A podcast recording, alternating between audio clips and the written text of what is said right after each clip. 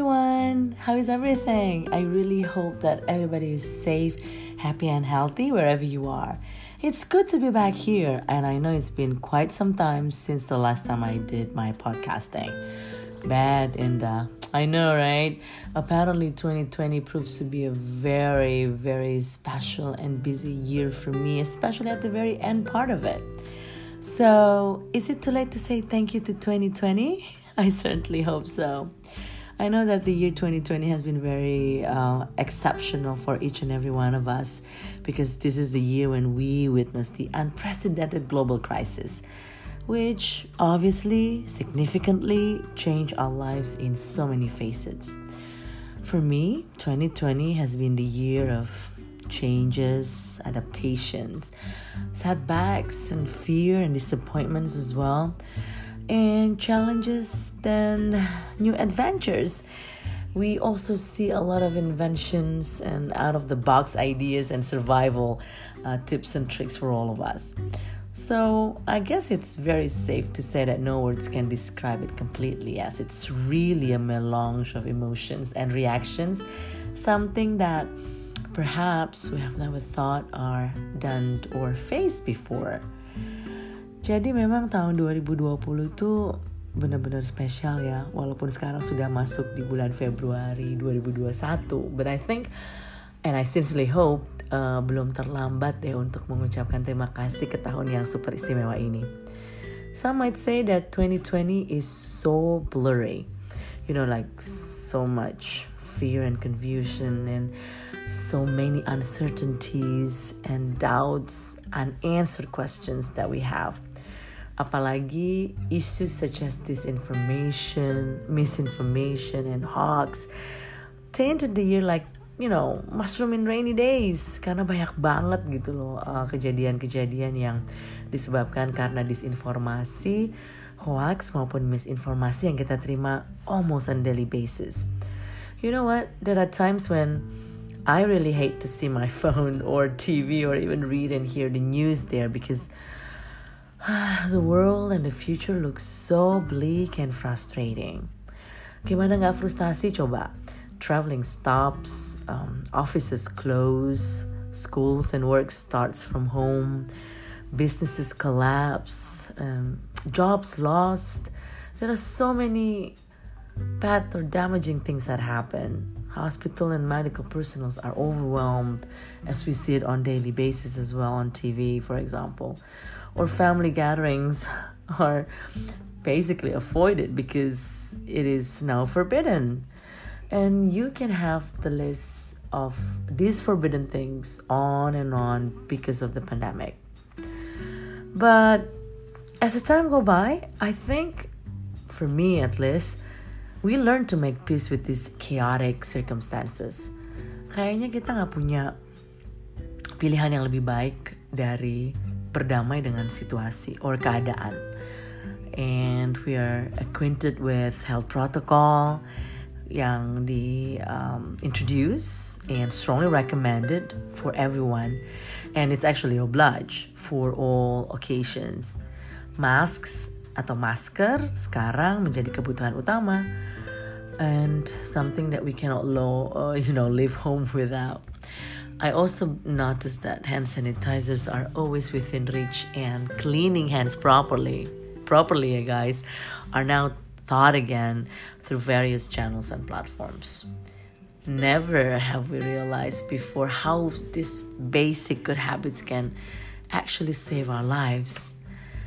And one thing for sure, all of us, or most of us at least, become digital nomads we might move here and there or stay at home, but we are more connected than ever, I suppose.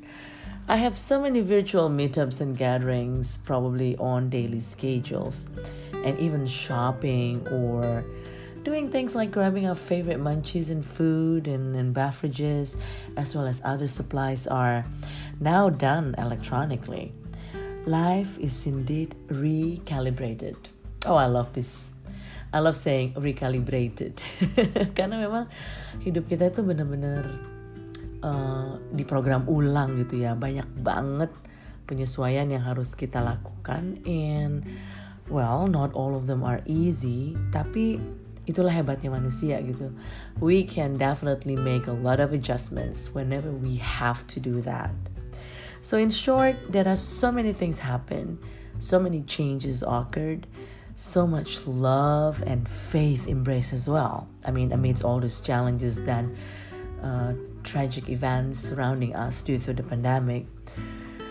Yet, no matter how hard it is, we still have to be grateful because all these bleak pictures from the COVID 19 pandemic also bring about various opportunities and new advantages.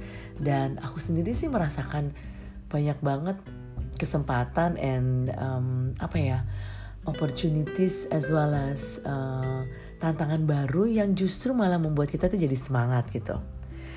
Memang kalau bicara tahun 2020 tuh kan nano-nano banget ya rasanya ya. Saya tuh masih ingat banget waktu di awal tahun 2020 tuh penuh semangat, penuh rencana, banyak keinginan ini dan itu yang nyatanya sih memang harus disimpan dulu. Apalagi um, COVID-19 kan datangnya itu ya bisa dibilang tiba-tiba gitu dan sampai sekarang masih betah aja gitu uh, lingering with all of us. Saat di awal bulan Maret kasus pertama COVID-19 di Indonesia diumumkan secara resmi, kayaknya many of us termasuk saya sendiri bertanya-tanya banget, what is really going on? Apa sih sebenarnya yang terjadi gitu? Dan yang paling penting tuh kita harus ngapain? Kita harus berbuat apa gitu? Kita resah, kita gundah, uh, banyak perubahan yang harus dilakukan. Dan yang namanya perubahan kan di mana-mana nggak selamanya gampang ya. And we all need sacrifices sometimes. Yang pasti tuh kita tuh dicabik dari kebiasaan selama ini dan indahnya dunia nyaman yang selama ini sudah kita jalani. But then I realize intinya tuh kita harus pilih aja we have to make the right the proper the wise choice. Kita tuh untuk harus milih gitu.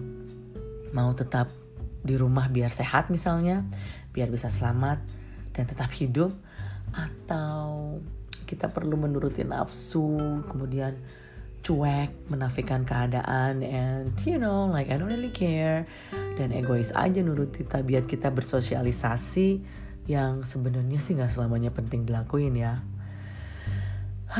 anyway, for me again, uh, it's not really that easy. Ini bukan pilihan yang gampang. Apalagi aku biasa hidup in the fast line just to say.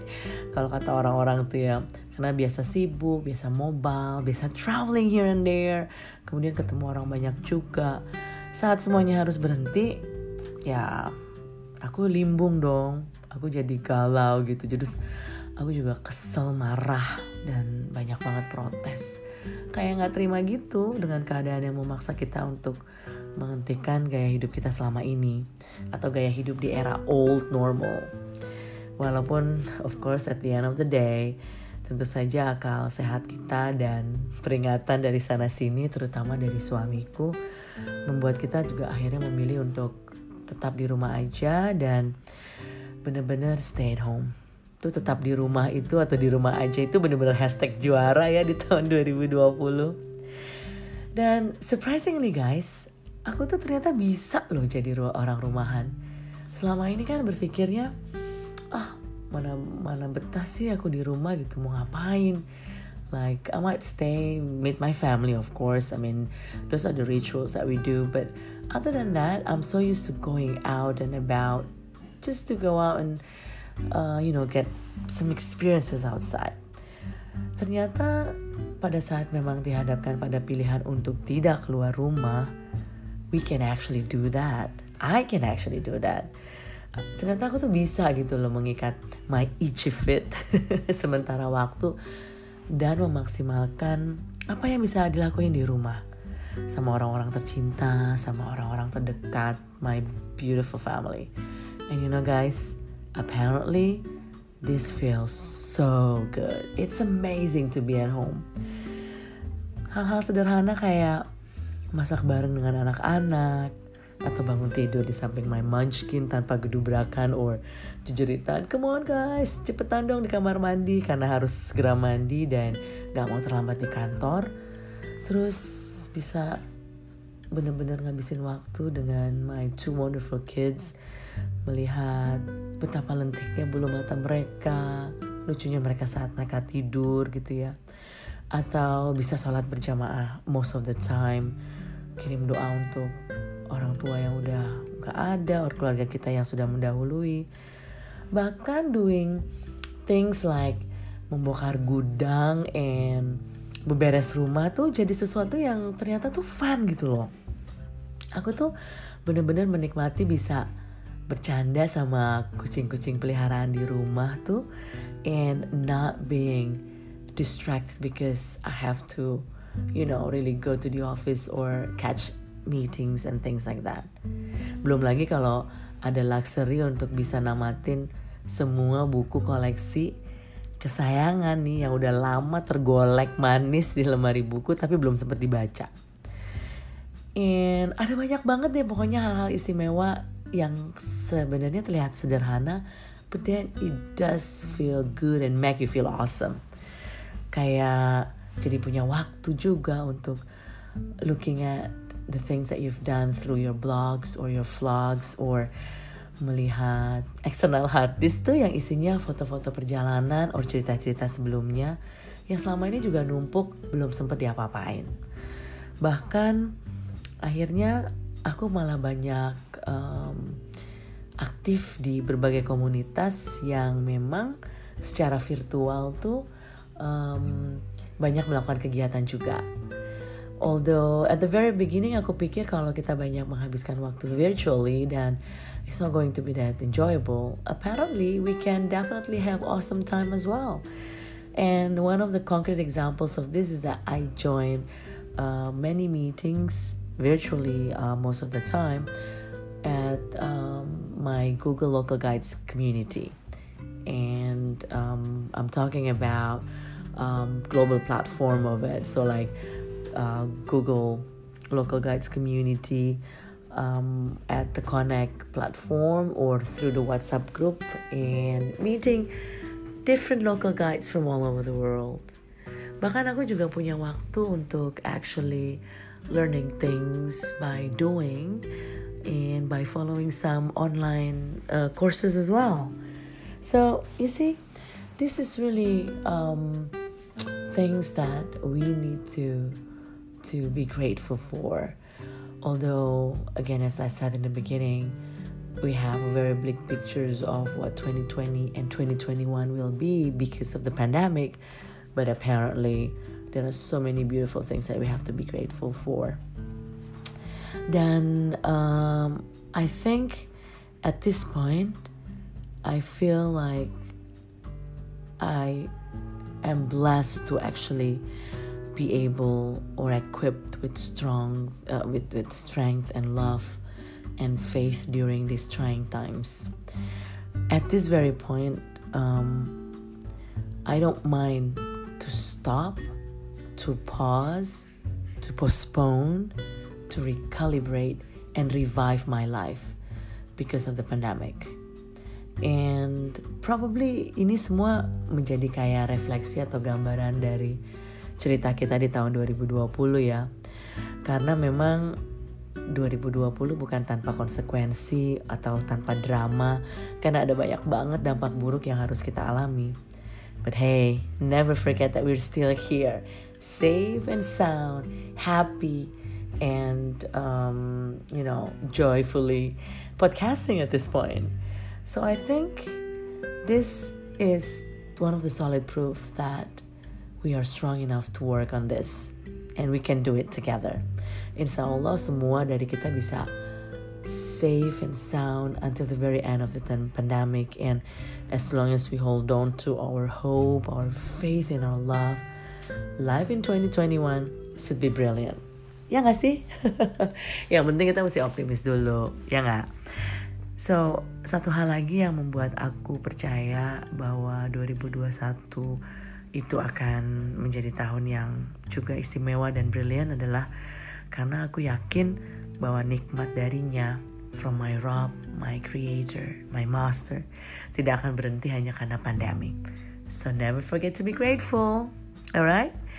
So here's to great new year of 2021 glittered with hope, health, happiness, and prosperity. Mudah-mudahan kita semua selalu dalam lindungannya ya. And it's never too late to say thank you or be grateful for everything that we have had up until now. Thank you so much for listening, guys. And I promise you, I'll be back with more stories, more beautiful things to share, and more points to ponder here at my Purple World. Stay safe, happy, and healthy. Ciao.